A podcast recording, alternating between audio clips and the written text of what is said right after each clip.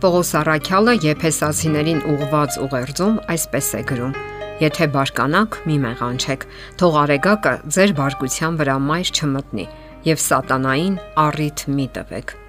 Պողոս Արաքյալի այս խոսքերը կարելի է մեկնաբանել երկու հարթության վրա։ Առաջինն այն է, որ մենք պետք է հենց նույն օրը ներում խնդրենք մեր բարկության համար, թե Աստծուց եւ թե այն մարդուց, որի հետ վիճաբանել ենք։ Մյուս իմաստն այն է, որ բարկությունը քայքայում է մեր առողջությունը եւ դա այսօր ապացուցում է բժշկագիտությունը։ Հոգեվոր իմաստով մարդիկ մեղք են գործում, երբ բարկանում են, իսկ ֆիզիկական իմաստով քայքայում են սեփական մարմինը, որը նույնպես որոշակի առումներով հավասարազոր է մեղքի։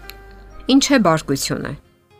Չինացի մեծ մտածող Կոնֆուցիոսը գրում է. Բարկացկոտ մարդը միշտ լի է թույնով։ Բժշկությունն այսօր ապացուցում է այս խոսքերի բացարձակ ճշմարտացիությունը։ Բարկացկոտությունը, դյուրագրգռությունը, աններողամիտ հոգին նպաստում են, որ մարմնում մշակվեն քիմիական բացասական տարրեր, որոնք կործանարար են առողջության համար։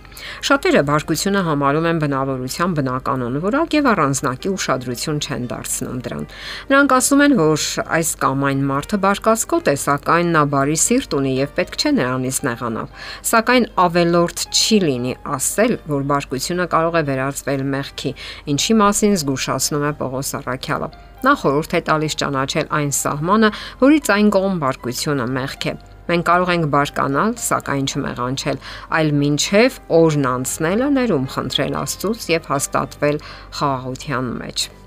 Իսկ ինչպես կարելի է հաղթահարել բարկությունը։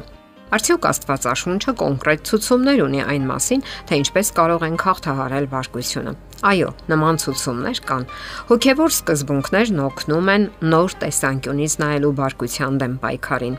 Դժվար է կանխագուշակել, թե երբ կբարկանանք, սակայն կարող ենք հաստատուն որոշում ընդունել՝ թույլ չտալ մեղքին, որ ղեկավարի մեզ։ Ահա թե ինչու է այսպիսի կարևոր դիտողություն անում Պողոս Արաքյալը։ Եթե բարկանաք, մի մեղանչեք։ Այսպիսով մենք չպետք է թույլ տանք, որ բարկությունը տիրի մեզ, համակի մեր ողջեյությունը։ Անկեղծորեն պետք է խոստովանենք ինքներս մեզ, որ մենք բարկացած ենք, չարացած ենք։ Հարկավոր է ազնիվ լինել Աստծո հետ, նրան հանձնել մեր բարկությունը։ Եթե մենք զսպում ենք բարկությունը, ինչպես նաև ճնշում ենք այն, հնարավոր է ֆիզիկական եւ հուզական վնասվածքներ ստանանք։ Եթե մենք անհամապատասխան ձևով դրսևորենք մեր բարկությունը, մարդկանց հանդեպ, դրանով միայն խոչընդոտներ կառաջացնենք միմյանց միջև։ Իսկ եթե խոստովանենք մեր բարկությունը, ազնվորեն ընդունենք մեր զգացումները, կարող ենք բացել մեր սրտի դռները եւ երկնային ապակինում ստանալ։ Ուշադրություն դարձնենք նաև այն կարևոր պահին, որ հարկավոր է ներում խնդրել այն մարդուց, որի վրա բարկացած ենք։ Իսկ բարկացած պահին կարող ենք նաև նեղացնել, լրջորեն վիրավորել նրան, խոցել նրա արժանապատվությունը։ Մարդը կարող է լրջորեն հոգեկան վնասվածք ստանալ։ Շատերը կարող են օրերով հիշել վիրավորանքը, չքնել, հուզական ծանր վիճակներ ապրել։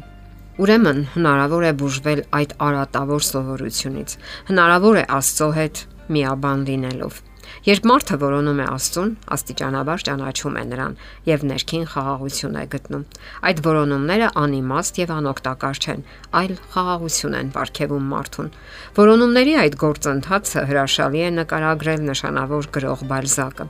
Ամենուրեք մարդը փնտրել է անհունության պոեզիան, դրության հանդիսավոր սոսկումը։ Ամենուրեք նա ցանկացել է Աստծուն ավելի մոտ լինել Նրան է փնտրել լեռնագագաթներին, անդունդների խորքում, քարաժայռերի եզրին եւ ամենուրեք գտել է նրան։ Այս գեղեցիկ խոսքերի մեջ մեծ իմաստ կա թաքնված։ Ահա նաև այսպես կարելի է պայքարել բարկության դեմ։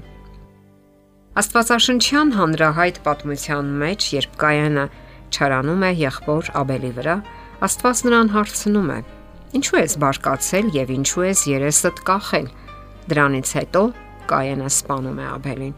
Իհարկե, ամեն բարկություն չէ, որ ավարտվում է սپانությամբ, սակայն բարկությունը բոլոր դեպքերում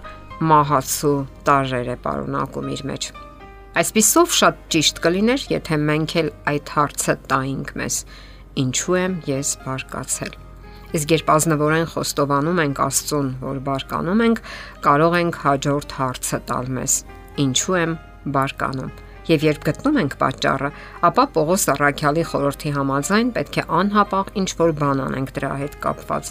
Մի անգամ էլ կարդանք Պողոս Առաքյալի խոսքերը. Թող արեգակը ձեր բարկության վրա մայր չմտնի եւ սատանային առիթ մի տվեք։ Ահա թե ինչու պետք է անմիջապես լուծել բարկության հարցերը եւ հաղթահարել այն։ Քնելուց առաջ խորհեք ձեր կյանքի բոլոր իրավիճակների, այդ օրը տեղի ունեցած իրադարձությունների մասին եւ խաղաղվեք։ Պարտադիր չէ խոսքերով հակադարձել ամեն խոսքի։